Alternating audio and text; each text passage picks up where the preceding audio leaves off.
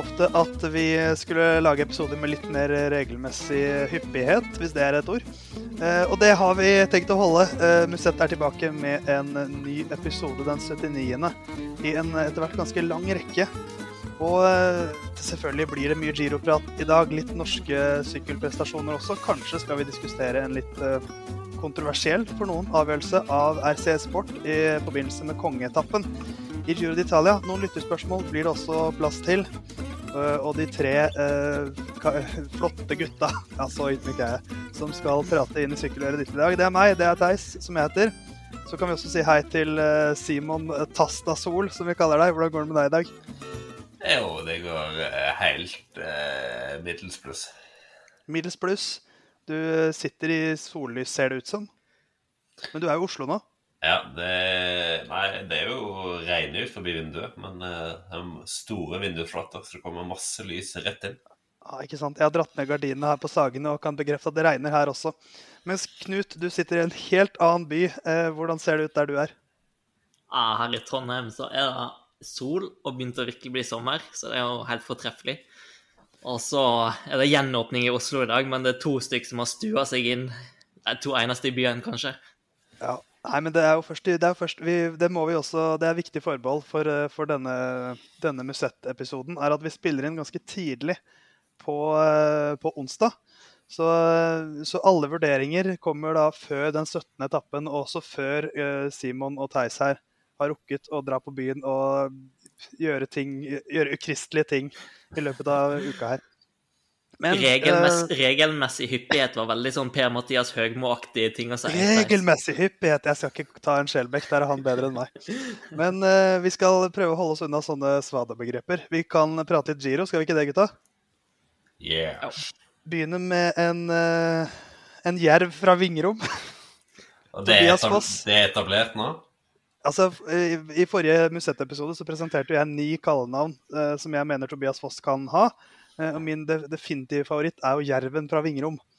Eh, og Jerven fra, fra Vingrom han klamrer seg fast i sammendraget. Ikke bare klamrer han seg fast, han har faktisk klart å avansere litt igjen. Etter at han falt utenfor topp ti, så måtte Manuel Buchmann stå av uh, etter en stygg velt, dessverre. Uh, og så var det Remco Evenepool som gikk på en megasmell. Så han er også nå ute av sammendraget. Tobias Foss, etter den siste hviledagen, uh, der han eh, fylte år.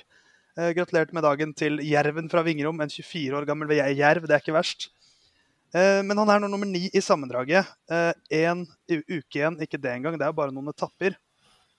Eh, Hva skal vi si om eh, Tobias Foss sine siste etapper i Giro d'Italia, Simon eh, Tasta?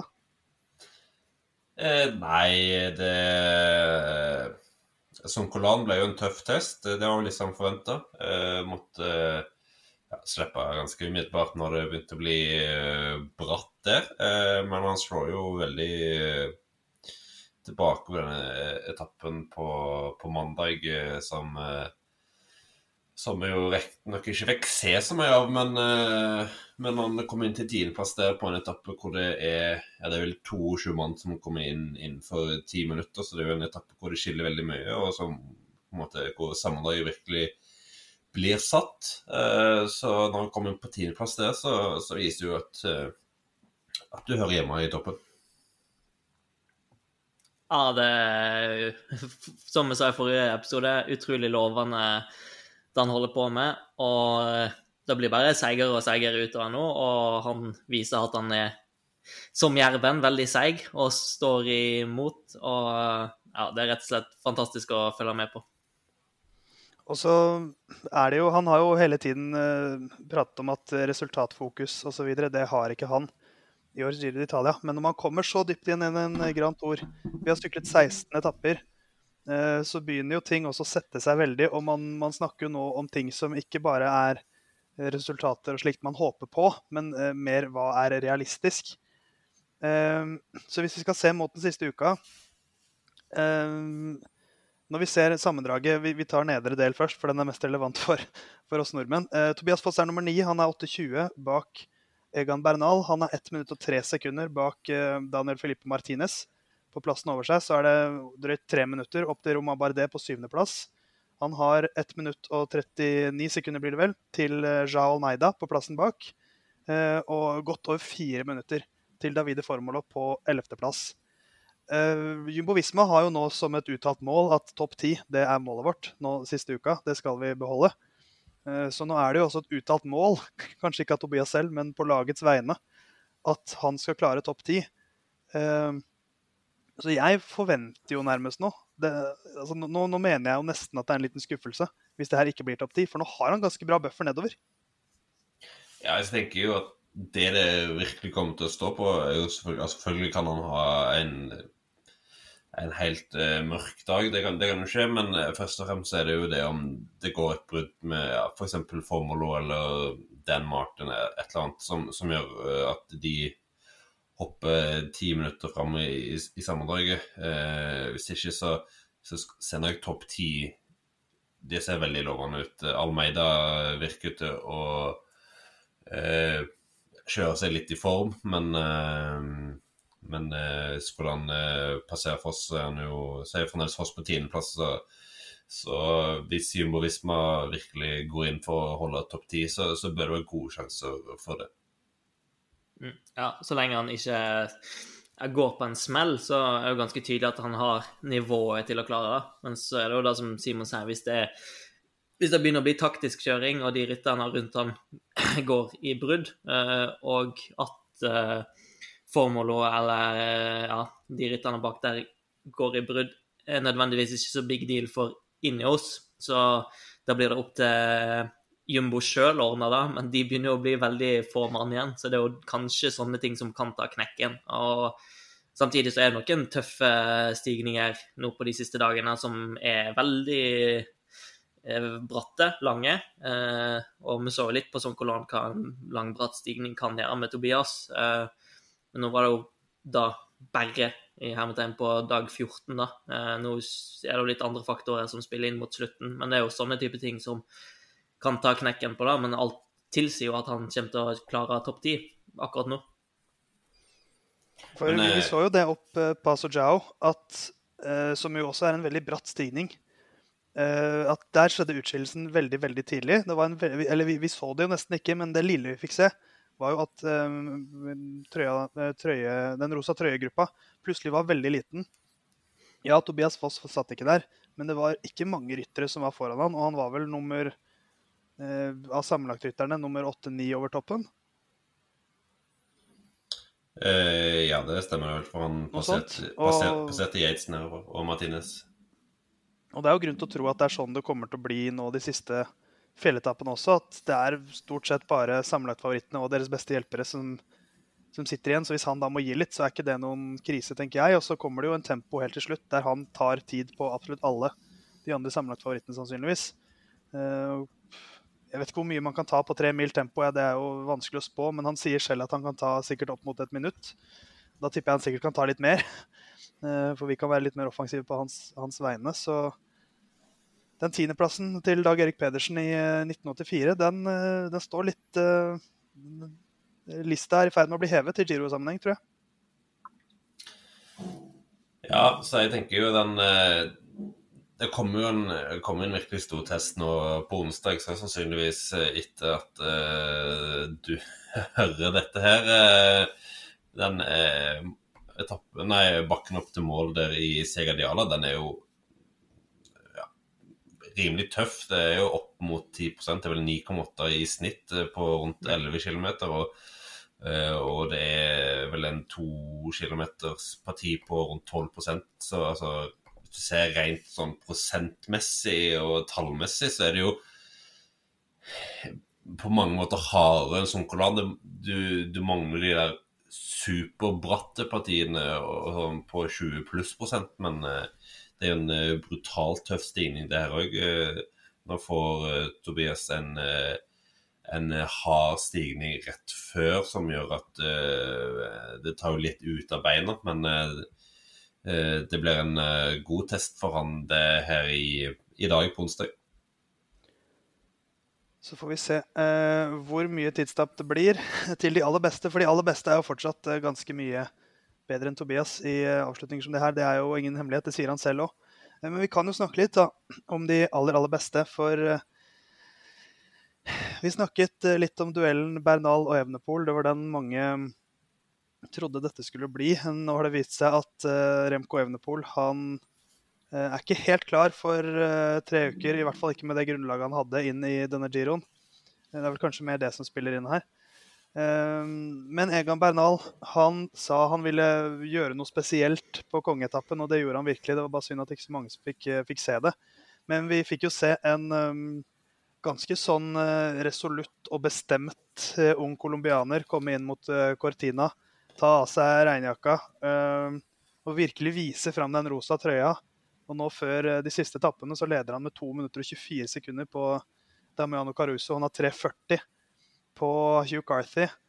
Eh, det er en spennende Giro siste uke med norske øyne, men Knut, er det så spennende med internasjonale øyne, egentlig? Uh, nei, men så er det jo flere uh, ritt i, rittet, da. Uh, så sånn sett er det jo spenning, men det er vel liten tvil om at Bernal kommer til å vinne denne giroen, med mindre noe går veldig skeis. Simon sa vel allerede forrige uke at det her var i boks før han modererte seg litt, men vi kan vel langt på vei si at det er i boks nå, Simon? Ja, altså, han ser uh, overlegen ut. Uh, uh, han har jo snakka egentlig varmt om på en måte hvor mye giroen betyr for han og sånt tidligere, i forbindelse med at han skulle delta for ja, Det var vel året han vant Tour de France, det.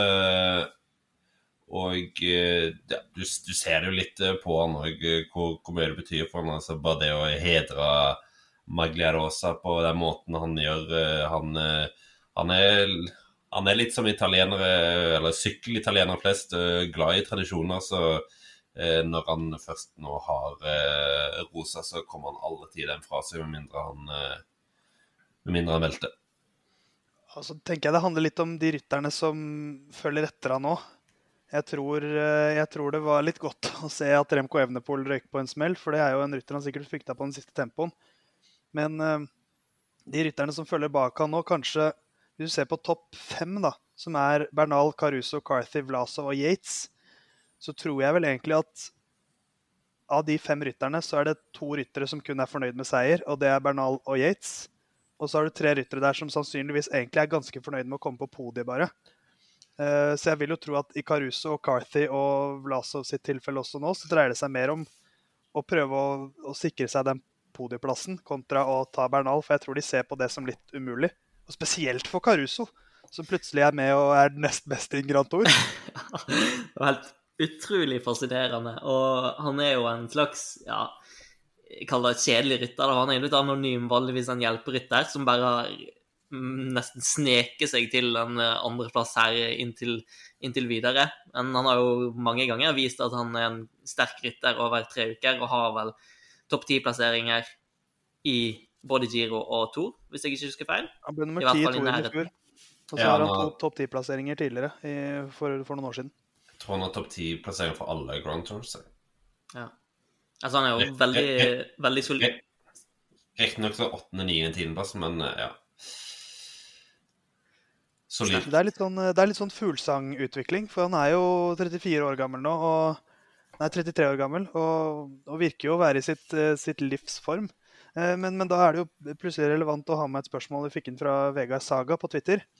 Eh, han lurer på hvor god hadde Landa vært, bedre enn Caruso. For det må vi jo heller ikke glemme her. Det, jo, det blir jo ren spekulasjon, men det er jo ikke gitt, tenker jeg, at Landa hadde vært bedre enn Caruso her. Ja, Det har en tendens til å være ganske mange skjær i sjøen for, eh, for Landa sin del. Og bare den eh, etappen til Cortina di Ampeso over Jao med masse regn og eh, dritt, eh, den kunne jo felt Landa any day, så det er vanskelig å si. Men at Landa er en bedre klatrer enn Caruso, er vel ingen tvil om. Men så består jo sykkelrittet av flere faktorer enn bare å sykle oppover. Altså, jeg syns jo landa så flying ut i, på den første fjelletappen. Eh, hvor han eh, angrep ganske tidlig, og så kom jo Bernal og, og flere opp. Eh, så jeg, jeg, tror han hadde vært på pallen. Enkelt. Lett. Ja, jeg støtter egentlig det, men jeg tror ikke han hadde vært på, på Bernal sitt eh, nivå. Det handler jo litt om som du sier, Knut, det å klare å sy sammen en Grand Tour. Det har vist seg å være svært vanskelig for vår baskiske venn. Eh, og det gikk Også, ikke over heller. Hadde ikke Landa røkt ut, så hadde jo taktikken til Bahrain vært helt annerledes òg. Så Caruso hadde jo tømt seg for Landa da, så han hadde jo ikke hatt de samme forutsetningene for å kunne ligge der han ligger nå. Men hvis vi skal uh, se på de som er her For det, to finish first, uh, first you have to finish er jo en klisjé, men det stemmer veldig godt. Uh, hvem er eller topp tre i sammendraget etter den siste tempoen i Milano? Tasta, du skal få tippe først. Altså, jeg tror vi tipper samme vinner her, men det, det er jo egentlig hvem som er to tre. Vi tipper nå, men ta med vinneren din nå. Ja, eh, jeg tror Bernal vinner. Eh, og så tror jeg eh, Hugh Carty blir nummer to, Damiano Caruso nummer tre. Enn du, ja. Lone? Støtter den samme. For jeg vil være litt kontrær, da, bare for å være det. Eh, seieren den går jo til terrengsykkelkometen Egan Ali Bernal Gomez. Eh, andreplassen jeg støtter dere der. Den går til Hugh Carthy. Men tredjeplassen går til Simon Yates. Simon Philip Yates. Som kommer tilbake når været blir finere siste uka. Så har han en, en bedre tempo enn noen av de andre, i hvert fall av og til. Må jo, må jo skyte litt fra hofta. Det er, det, jeg, det er derfor jeg er her. Um, ja, det er sammenlagtkampen. Uh, det er jo en krevende løype nå siste uka, uh, men det var en etappe som mange mente var kongeetappen. Den 16. til Cortina d'Ampezzo, som ble avsluttet over Paso Giao. Sjukt å ha en kongeetappe på mandag. Hva sa du? Sjukt å ha en kongeetappe på en mandag. Ja, det er veldig, veldig men, italiensk, føler jeg. Men eh, er det Opererer Italia Europa ellers på samme måte som Norge, med tanke på pinse og sånt? Og da er det jo ikke helt hull i hodet. Det gjør de nok. De, jo, de elsker jo sin religion i Italia i større grad enn vi gjør i, her, i, her, i, Norge.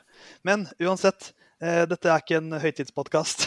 Det er en podkast som eh, ignorerer høytider, akkurat som sykkelsporten i Norge. Men det var en etappe som egentlig skulle inneholdt et par ganske høye fjell til. Eh, de ble fjerna. Eh, grunnen syns jeg er litt sånn vanskelig å få tak i. Eh, Mauro Venji gikk vel ut og sa at eh, dette er et ønske fra rytterne. og det er dårlige værmeldinger, og, så vi kutter de to klatringene. og Så blir etappen kortere, og så sykler vi til Paso Giao. Og så tar vi målgang i Cortina. Så slipper de i hvert fall to utforkjøringer. Men de må ha den siste, da, for vi skal ha et skikkelig ritt.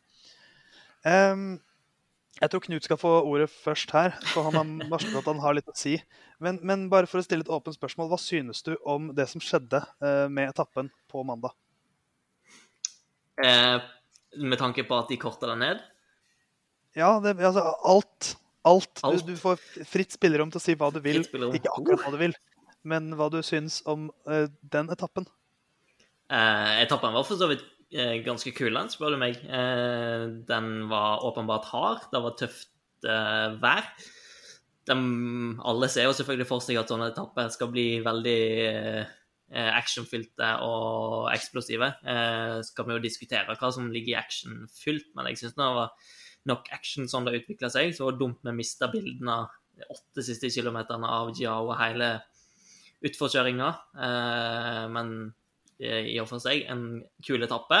Og så kan jeg jo starte med å si at jeg stiller meg fullstendig bak avgjørelsen om å korte ned etappen. Det er en helt grei avgjørelse. Eh, så kan jo Simon få si først hva han mener, før vi går inn i fullstendig rant-mode. Tasta har lent seg godt tilbake nå. I det, i det Knut prater, så leder han seg fram igjen nå. Så nå skal nå, nå, gudene vet hva som kommer nå. Veldig dyp i blikket. Ja. Uh, nei, altså, jeg syns det er en Jeg forstår begge måte, sider av uh, Altså de som mener at det her uh, var helt tullerusk og og kutta to stigninger, og de som mener at det var helt riktig. Eh, klart, altså Hvis du skal sykle over tre pass på 2000 meter, eh, og værmeldingen tilsier at eh, det fort kan eh, snø, så, så, er det jo Og det snødde jo i, i morgentimene, eh, og egentlig bare ja, to-tre timer før, før rittet kom. Så jeg, jeg, forstår jo avgjørelsen, sånn sett. Altså eh, er det jo helt klart at uh, Det ble jo ikke farlig. Uh, basert på Altså, Jao er vel ja, noen få, få høydemeter under det som skulle vært eh, Jima Coppi, så uh, det var nok helt mulig å gjennomføre. Men ja, det er bedre å ta en avgjørelse tidlig og måtte være litt trygg på at du kan gjennomføre det, enn å sende folk ut i tre timer, eh, og så plutselig må si stopp eh, halvveis. For det tror jeg, jeg tror det er det som er nøkkelen her, det du sier der, Simon. Jeg tror det er det som er den egentlige grunnen. Er det at de, Mauro Venni og RC Sport de hadde ikke lyst på en sånn uh, hendelse som var i Tignes i Tour de France i 2019, da de, uh, da de plutselig hørte en uh, Fevik-røst i horisonten som skrek 'Pass deg, Toby!' Og så måtte de plutselig stanse etappen, og så ble tidene tatt på toppen av fjellet. Og så ble det masse styr og knot og kontroverser, egentlig. Og så er det jo også, for å snakke om sikkerhet, da Ja, de kunne syklet over alle toppene, sannsynligvis.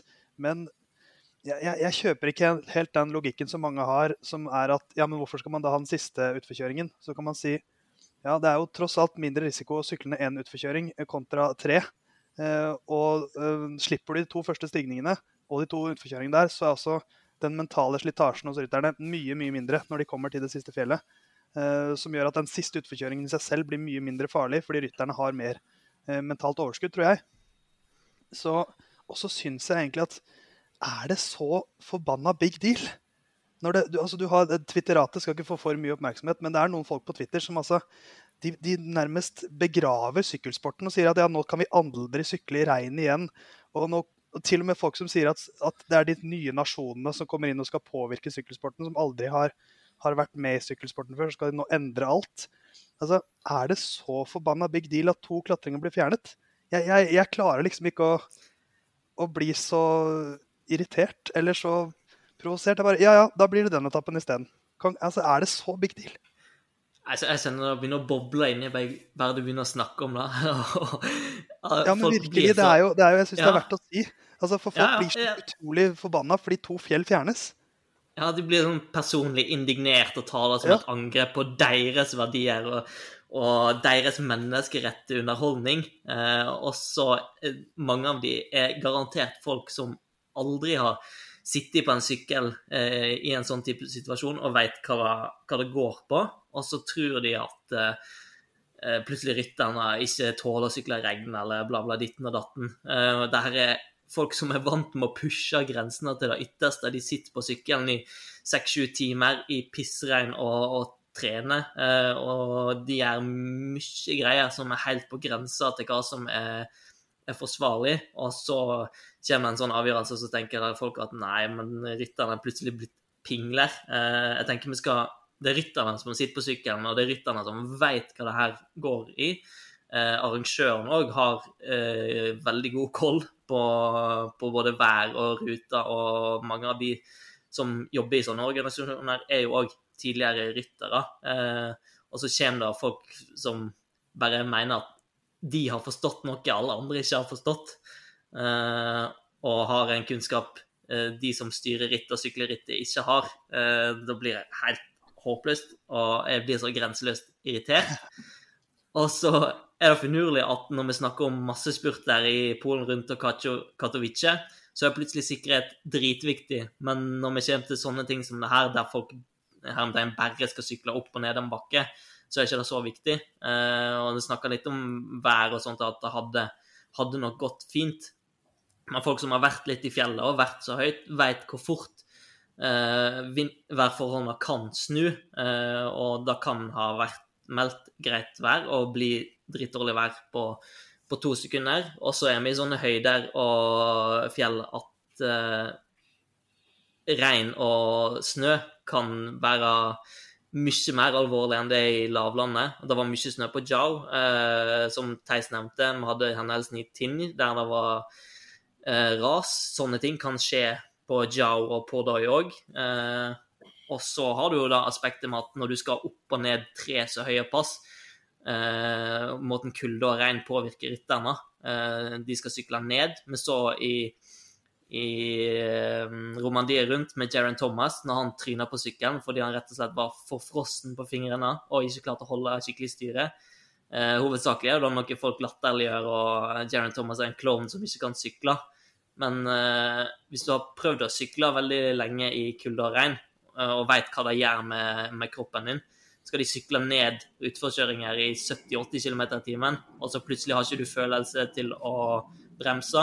Og vi snakker utforkjøringer der du faktisk eh, er litt på grensa mellom liv og død, for det er store skrenter du kan, kan sykle utfor. Eh, og så har du òg aspektet med eh, sykdom.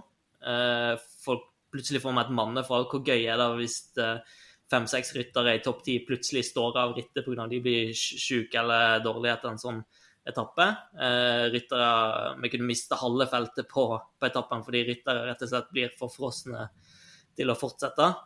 Så det mange aspekter å ta hensyn til her. Det er ikke bare å sende ryttere opp, en, eh, opp lange fjell. Og så er jeg veldig lei av den derre eh, fordi det er jo alltid noen ryttere som uttaler seg om det. her, og så er det Noen sier ja, jeg syns vi burde syklet alt. Uh, og så huker man tak i de som sier det. Men man må ikke glemme at det er 150 ryttere i det feltet her. Uh, og i 150, en, en, menneskegruppe på 150 mennesker så får du aldri en unison enighet. Det vil være ulike synspunkt, og da er det som regel de som er uenige, som uttaler seg. Uh, Tobias Foss sa, har sagt sikkert alle oss her, at ja, det var, synes det var sikkert riktig. Jeg tror de aller fleste rytterne er sånn De aller fleste rytterne hadde nok sykla etappen, men så ble den korta ned, og da tenker de litt som det vi har sagt nå. Ja ja, da tar vi denne etappen som den er. Um, så jeg merker at det er nesten det som provoserer meg mest, det der at det skal blåse sånn opp. Det er bare en ja. etappe i et, i et sykkelritt. Og vi og, fikk en etappe som var dritkul, selv om vi fikk, ikke fikk se den. Og, og hadde med de tre eh, fjellene i tillegg, hadde utfallet vært veldig annerledes? Jeg tror det hadde blitt en kjedeligere etappe. Det, det er vanskelig å si. Man, man hauser sånn opp disse kongeetappene. Hva vil du si, Simon? Nei, altså Det er vanskelig å si hvordan utfallet hadde blitt. Det kan jo være at Carty hadde gått på angrep på det ja, første eller nest siste fjellet, og så hadde han hatt eh, to mutterslukere i Jawa. Så ting kan jo skje. Eh, så, så, det er vanskelig å si hvordan utfallet hadde blitt. Og folk hadde jo åpenbart hatt mye stinnere legger inn i, inn i siste bakken når de hadde hatt 200 km og ja, 4500 høydemeter eller sånt eh, inn eh, før den siste bakken, men jeg, jeg tror nok Bernal hadde Altså, han, han, han er sterkest. Jeg tror nok det hadde blitt ganske likt. Eh, nei, jeg tror ikke det hadde hatt noen stor påvirkning, men det kunne selvfølgelig hatt en stor påvirkning. Eh, også, ellers kan vi jo si at jeg tror Roman Baudet fikk eh, Strava kom på vei nedover, så forholdene var i hvert fall eh, OK utfor òg. Altså, er det jo hvis òg eh, Det er vel ingen som har uttalt seg om det, så vidt jeg har sett. Men hvis RCS visste hvor store problemer det var med å få TV-bilder på Jiao, om det var gjeldende på de andre passene òg, så er har òg verdt å spørre seg om det hadde vært gøy å se to og en halv, tre timer av sykkelritt uten TV-bilder. Det, det, var jo sånn vente på Gjermund Eggen-stemning på slutten der. Uh, så jeg tror uh, Jeg tror vi skal være fornøyd med at vi fikk en etappe. Uh, og så, så, har Tobias Foss også sagt at det var den tøffeste etappen så langt i Giron. Så det var tøft nok for rytterne. Og så får vi ha litt medlidenhet mot dem og tenke at det var kanskje greit at de slapp det. De har nok fjell å klatre nå i siste uka òg, så vi trenger ikke å være så blodtørstige. Altså, det, det, er brød og sirkus, det her, men vi vil jo gjerne at gladiatorene skal overleve også. Ja, folk må skjerpe seg.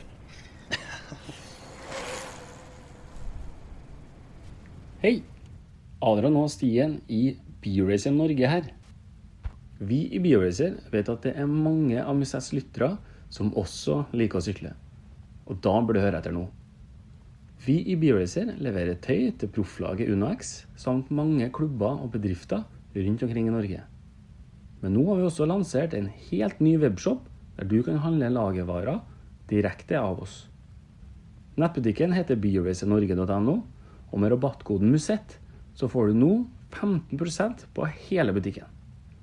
Kos deg på sykkeltur i sommer med klær fra BioRacer.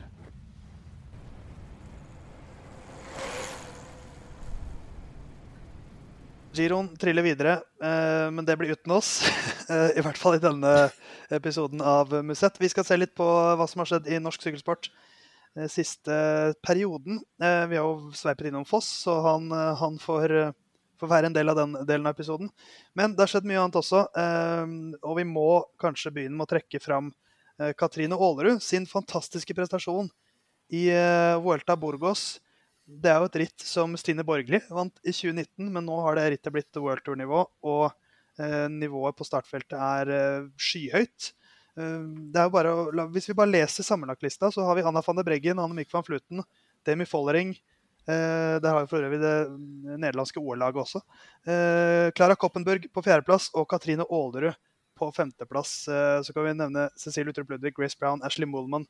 Bare så vi understreker hvor høyt nivået er her på plassene bak. Femteplass sammenlagt i World Tour eh, etapperitt. Det er jo bare å applaudere. Knipsa. Ja. Ja, vi knipser og applauderer og alt mulig. Nei, det er veldig, veldig eh, sterkt resultat. Det, du kan jo ikke si noe annet enn en det. Uh, var jo ikke så fryktelig langt ifra å kunne kjempe om etappeseieren på den siste etappen heller. Det ble jo eh, lå jo sammen med, med Koppenburg og ble henta ja, 800 meter før mål rundt eh, der av, eh, av den nederlandske drømmetrioen. Eller Follering var vel med på det tidspunktet, tror jeg. Ja, ja. Så Nei, det, hun viser jo at, igjen at hun har et veldig høyt eh, nivå, Katrine Aalerud. Ja. Tar jevnt og trutt steg nå, som vi sa forrige episode, og eh, er helt i toppen i et World Tour Ritt. Og det er veldig imponerende, veldig oppløftende. Eh, så hun har dratt på høydesamling med van Fluten i Andorra nå. De skal vel forberede seg til Giro Rosa, så blir det veldig spennende å se hva hun kan få, få til der. Eh, forhåpentligvis på, så kjører jo eller Mest sannsynlig så kjører jo Movistar på samme måte som de har gjort nå i Burgos, at de spiller både på Ålerud og van Fluten, og at uh, de satser nok fullt på van i sammendraget, men at Ålerud òg kan få en fremskutt plassering i sammendraget på samme måte som hun gjorde i Burgos. Ja, det, det så vi jo da, da van Fluten syklet i um, Mitchell og Scott også, at det var vel en utgave av Giro også hvor Amanda Spratt vant en av de første etappene og hadde i hvert fall en etappe i rosa trøye også, før van Fluten tok over. Så, så, hun- og van Fluten og Aalerud er jo en kombinasjon som funker veldig fint. Og um, nei, femteplass, det er jo det blir på en måte feil å si at det er hennes internasjonale gjennombrudd. fordi hun er, Jeg føler hun er ganske etablert nå, som en av topprytterne der. Det er en del veldig gode resultater hun har nå. så La oss bare håpe det fortsetter, den, den femteplassen. Det er ikke der taket hennes er. Um, flere gledelige norske prestasjoner uh, kan vi også trekke fram. Tour de Finisterre, der var Uno X nok en gang veldig, veldig nære årets første seier. Um, I den siste bakken da, i Kimper, etter et eh, spesielt ritt hvor Syve Syver og Jonas Siversby Widerberg eh, syklet feil vei en rundkjøring og plutselig var tilbake i rittet. Det var, det var mye knot der en periode, men det blei en samla gruppe inn til siste bakken i Kimper. Benoit Cosnefoy, uh, den store favoritten, klinka til i den bratteste, bratteste delen av bakken. Så var det én okse fra Ringebu, oksen Ferdinand fra Ringebu, som satt på hjulet hans. Rasmus Fossum Tiller så ikke ut som han brukte noe som helst krefter for å følge han. Uh, han var den eneste som klarte å følge Cosnefoa i det bratte terrenget. Så stoppa det litt opp. En større gruppe samla seg. Det ble litt eh, komplisert, eh, den avslutningen der.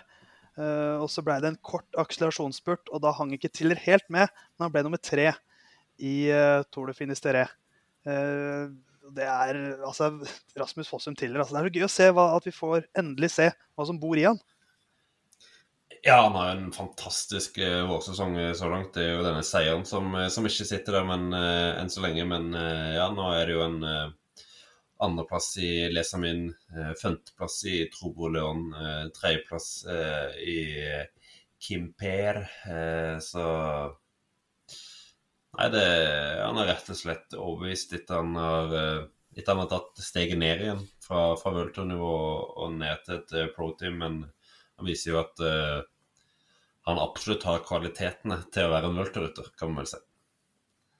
Jeg, jeg var så sikker på at han skulle vinne der. Måten han satt på hjulet til Kostner fra da så, altså Rasmus er en veldig ydmyk type, Men han så direkte arrogant ut når han satt på hjulet til fra der. Bare helt rolig, opp med kroppen, stille og fint. Jeg var sikker på at OK, 200 meter til nå, så smeller han ordentlig til. Eh, og jeg, ja, Nå har ikke jeg snakka med han og vet ikke hvor langt nede i kjelleren han var, men kanskje han burde lagt litt mer press på det, på det der og ikke latt det samle seg eh, sånn igjen. Og så bomma han litt i avslutningen der, havner litt bakpå. Eh, så ut som han hadde, var på vei til å komme opp i stor fart mot slutten. Men uh, ingen tvil om at han er i kjempeform. Og måten Uno X igjen kjører på, er jo veldig overbevisende med å være med på alt hele veien. Uh, skape, skape rittet, sende Værenskjold av gårde i avslutningen.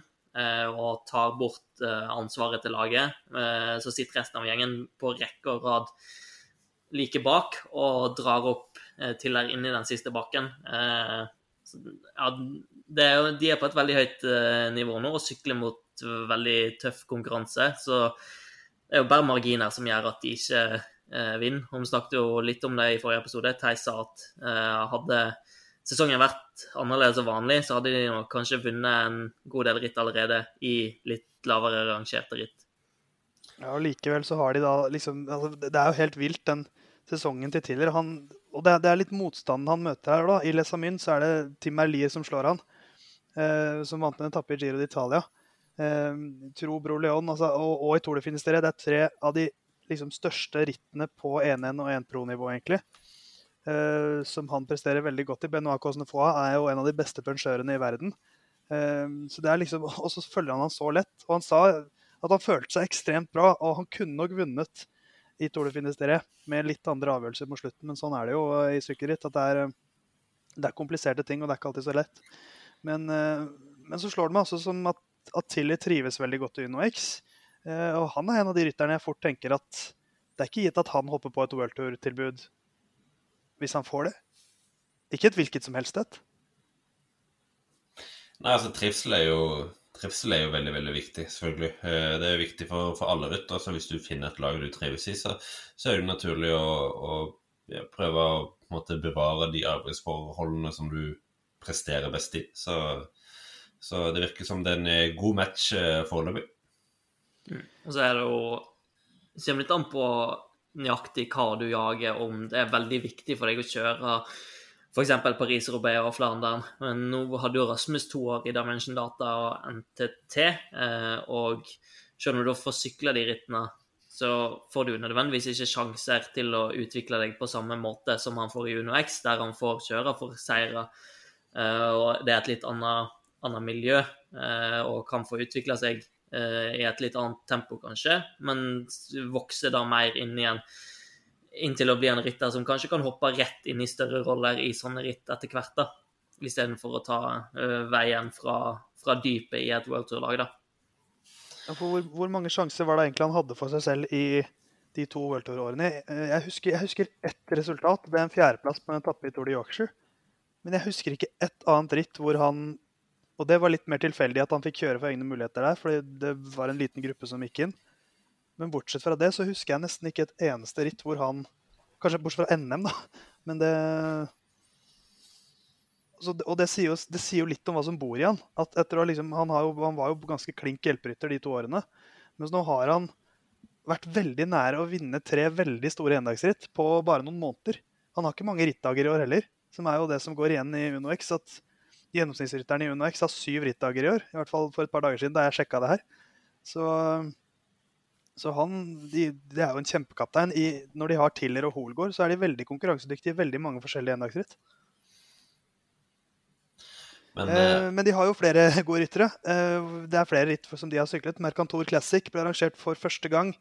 Går i Mercantor nasjonalparken i eh, øst i Frankrike. Frankrike en ritt der Guillaume Martin, filosofen til Cofidis, han klatret fra alt og alle og vant med 1,42 ned til Aurelais Parapain 3 og Bruno Armirail. Men i finalen her så var det en unggutt som Jeg blir sjokkert hver gang jeg ser hvor gammel Idar Andersen er. Fordi han er så ung. Han er fortsatt bare 22 år gammel, og jeg føler at han er så etablert på mange måter. Men han var blant de sterkeste i finalen. Eh, hang med ganske lenge, var lenge nummer seks på veien. Ble nummer ni til slutt i et beinhardt klatreritt.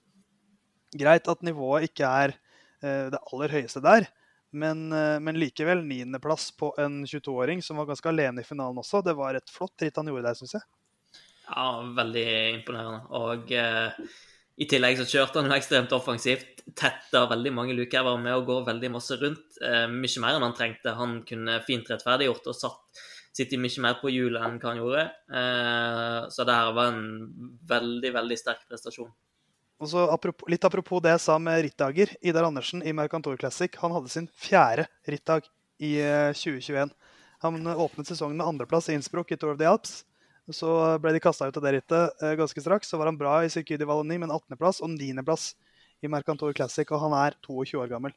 Så eh, et litt sånn eh, Nei, det, han blir så bra. Han blir så bra. Eh, Så kan vi også nevne helt på tampen at eh, Alp Især Tour, Toto-rittet, der også Uno X Dare Development har sykla, der eh, hadde de håp om sammenlagtseier på siste etappe, men Sjurd Bax fra Metec-laget han ble litt for sterk og eh, vant rittet sammenlagt 1,58 foran Anton Sjarmig. Eller Anthon, i og med at han er en H etter, i fornavnet sitt. Anthon Sjarmig. Han ble nummer to, 1,58 bak Sjurd Bax. Anders Halland Johannessen ble nummer ti, 3,50 bak. Hello, I'm Alberto Contador and listen to Muschet. Eh, tilbake til, til Tour de Finisterre, eh, som jo da går i mål i Quimper. Eh, det ble jo et eh, fint gjensyn med denne vakre byen eh, for, for min del. Jeg var der på Når det var målgang i Tour de France. Det her ble vel i 20... I 2018. Eh, som er samme Det var akkurat samme målgang og samme siste kilometer omtrent. Eh, og der fikk jeg til og med besøk av eh, min tante og, og min onkel og mine to kusiner. Eh, og min ene kusine fikk en drikkeflaske fra en rytter. Hvilken rytter tror dere dette her var? Uh, uh, husker jeg Var det Sagaen som vant den etappen? Ja, men vi skal ikke så høyt opp i hierarkiet, det kan jeg si med en gang. Jura i Sagan. Nei. Han sykla sikkert ikke da. Um, har, kan, kan, la, oss, la oss prøve å finne ut av dette, Knut. Er det, Ja. er det en rytter som har båret en trøye i Tour de France noen gang? 20 spørsmål. Eh, Ja, La oss ta en 20, 20 spørsmål på hvem denne mystiske rytteren er. ja, ja, Uh, nei, jeg tror ikke det. Du tror ikke det, så da er han ikke helt sikker. Og Simon kan mye om sykkel, så da er han nok ikke det. Uh, er det en engelskspråklig rytter? Nei. Fransk? Ja. Roma Bardet? Nei. Sammenlagtrytter? Nei. Sykler han, på et eh, Nei, for, jo, for det var, det var, det var en, ikke en franskmann. Jo. Jo, det var en franskmann. jo, det var en franskmann. Ja. En, en lagkamerat fransk lag? med Thibaut Pinot. Nei. Er det et fransk lag? Eller han har vært det i mesterskap, men ikke i Ikke i, ikke i det daglige. Nei, det er ikke et fransk lag. Er det Er det en Er han sammen med en tidligere fransk mester? Eh, ikke som jeg vet. Altså, Er han sammen med Marion Rose? Nei. Ja, det er ikke Alain Philippe, altså. Har han vært sammen Simon med- ikke, Simon sa ikke høyt opp i, i hierarkiet. Ja, ja, men han er så liten, vet du, så jeg ser ikke han som høy. Uh, Men det var fransk lag? altså, Nei, ikke fransk lag. Ikke fransk lag. Ikke fransk lag. OK. Er det, kan det være Pierre Rollat? Nei. Jeg, jeg var sikker på at jeg hadde den. Eh, Det er et Whirlpool-lag. ja, OK. Er han, har han hatt Sykla han på lag med en nordmann? Ikke nå, i hvert fall. Eh, Jeg tror ikke han har gjort det heller. jeg har startlista opp her nå, skjønner du? Jeg også. Jo. Så leter jeg bare etter franskmenn som ikke sykler på franske lag. Kan det være eh, Julien Bernard? Helt korrekt. Han er dritfett. Altså, det er korrekt. Ja, det er korrekt. Offensiv og fin rytter. Hjelperytter for Bauke Moluma. Julien Bernard, altså. Er det en ny spalte vi kunne hatt? 20 spørsmål. Hvis, hvis Simon har veldig mange gode historier, så Nei, men det, det kan vi, vi- hvis, dette var noe folk syns er gøy å høre på, så kan vi ha uh, Gjett hvilken syklist jeg møtte denne gangen. uh, for der har vi Men, eh, sikkert flere historier vi kan dra alle sammen. Eh, Norge har jo veldig eh, ja, litt historikk fra Kimper, Per hvis folk husker hva som skjedde der i 2004. Var det der Tor. Slo eh, Tor Kim Kirchen? Spurt. Nei, det var Slag Modbagge. Men hvem var det han slo der? Det var ikke, det var ikke der han slo? Kirchen. I en sånn seig Eh, Nå tenker i, veldig hardt. i norsk hardt. mestertrøye, liksom. Eh, Jeg, Jo da, det var Kim ikke med. Ja. Møkkadag i norsk mestertrøye. Det er et av de første sykkelrittene jeg husker å ha sett. Oh. Men eh, mer eh, quiz i neste episode av Musett.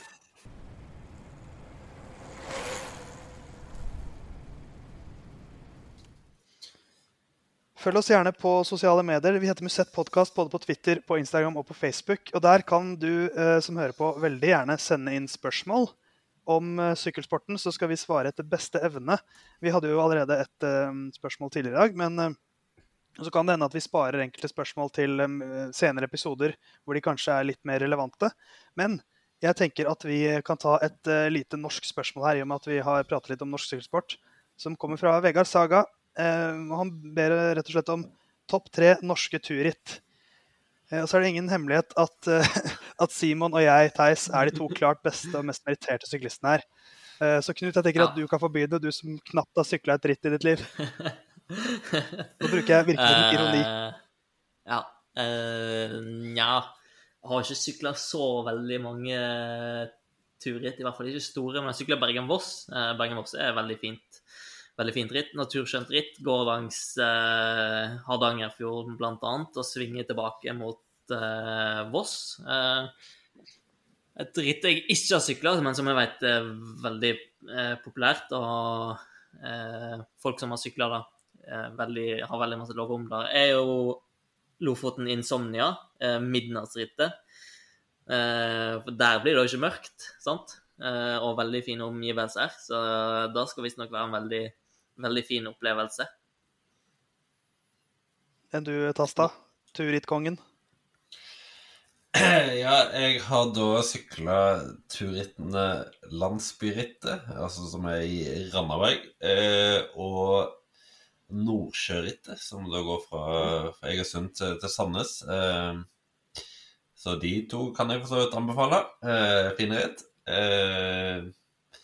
Eh, så har jeg hørt masse, masse fint om eh, Haugesund-Sauda og Øyeren rundt og Tyrifjorden rundt og eh, ritt som Magnus Drivenes har herja i. Eh, Ja. Haugesund Sauda er jo Drivenes uh, vært med i òg. ja, ja, han, han slo Erik Lunder i spurten, så det, det har han eh, Den har han høyt oppe på karrieretoppen, tror jeg. Men det var vant- Uri som vant. Jeg tror det. Eh, eller var det en Sandnes-syklist? Jeg husker ikke helt farten. Eh, og, jeg tror det var en Sandnes-syklist. Eh, Ja. Og så var vel Lunder i brudd i Tour of Norway to dager etterpå, så da viste jo Drivenes at han hadde nivå i den. Eh, Ja. Flott, eh, flott eh, organi... Nå kommer jeg ikke på ordet, men en flott eh, organisasjon bak Haugesund Saudag. Eh, blant annet eh, Even Emberland har jo vært eh, sterkt inne i det. så ellers så tror jeg ikke jeg skal komme så veldig mye konkret. Men jeg har hørt mye fint om Jotunheimen og Mm. den type ritt òg, så Det er mye å, det er mye å velge fra. Jeg, jeg kan jo anbefale Tyrifjorden rundt. De, jeg må nevne de få jeg har syklet også. Tyrifjorden rundt har jeg sykla én gang. Eh, Det er å gå i et område som er veldig viktig for eh, Sykkel-Norge i nærheten av Hønefoss og sånt. Det er mye sykkel som, eh, i Norge som stammer derfra. Eh, Så det er bare ett ritt rundt Tyrifjorden. Eh, Det var eh, nydelig, det. Eh, Så jeg sykla Lillehammer-Oslo, den lille styrkeprøven, eh, åtte ganger, tror jeg. Eh, mange ganger på rad, eh, helt til det ikke ble arrangert i fjor eh, eller i år. Så jeg regner med at jeg skal sykle neste år også. Og så er det de, det er de to turrittene jeg har sykla i Norge. Og det var jo topp tre i Norge, så jeg har ikke så mye å bidra med der. Jeg har sykla ett i utlandet òg, men det, det får bli en annen episode hvis det spørs, kommer spørsmål om topp tre turritt i utlandet. Du kan jo si hva du har sykla.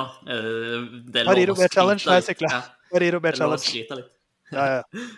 Altså, Simon trekker Simon sier Jotunheimen rundt er jo beinhardt ritt, men generelt å bare dra og sykle i Jotunheimen anbefales på det sterkeste. Eh, Lom, opp Sognefjellet, Årdal, eh, ned til Lustrafjorden og i området der. ekstremt fint. Så da ja, anbefales det varmt. Så da er det bare å um, gjøre sykkelen klar for en nydelig sykkelsommer. Eh, norgesferie er jo veldig in for tiden. Noen, eh, har, noen, er det kanskje ikke så frivillig for at det blir norgesferie, men, eh, men det er jo det fornuftige nå kanskje å holde seg innenfor landets grenser. og Det er mye fint man kan sykle her, og så kan man se på Tour de France eh, gjennom sommeren òg. Ja, Knut, du rekker opp hånda. Veldig Ja, høflig. jeg, tenkte, jeg, jeg tenkte det var bedre enn å prøve å avbryte. jeg. Eh, så fikk vi òg et spørsmål, eller det var nesten ikke et spørsmål, det var en kommando om musikalsk innslag med Magnus Drivenes. Jeg har etterspurta hos eh, Magnus. Jeg antar han er på jobb. Men eh, men jeg kan få redigert det inn på slutten av hvis det dukker opp noe. Men jeg har, eh, jeg har lagt press på Magnus bare for å ha det on the record. Ja, og hvis det ikke dukker opp i denne episoden, så kommer det garantert senere. For han er et musikalsk geni, ikke bare et sykkelgeni. Det er det ingen tvil om. Men eh, skal vi takke for følget, Knut og Simon. Har dere noen siste bevingede ord? Mm, mye bra sykling å se fram til.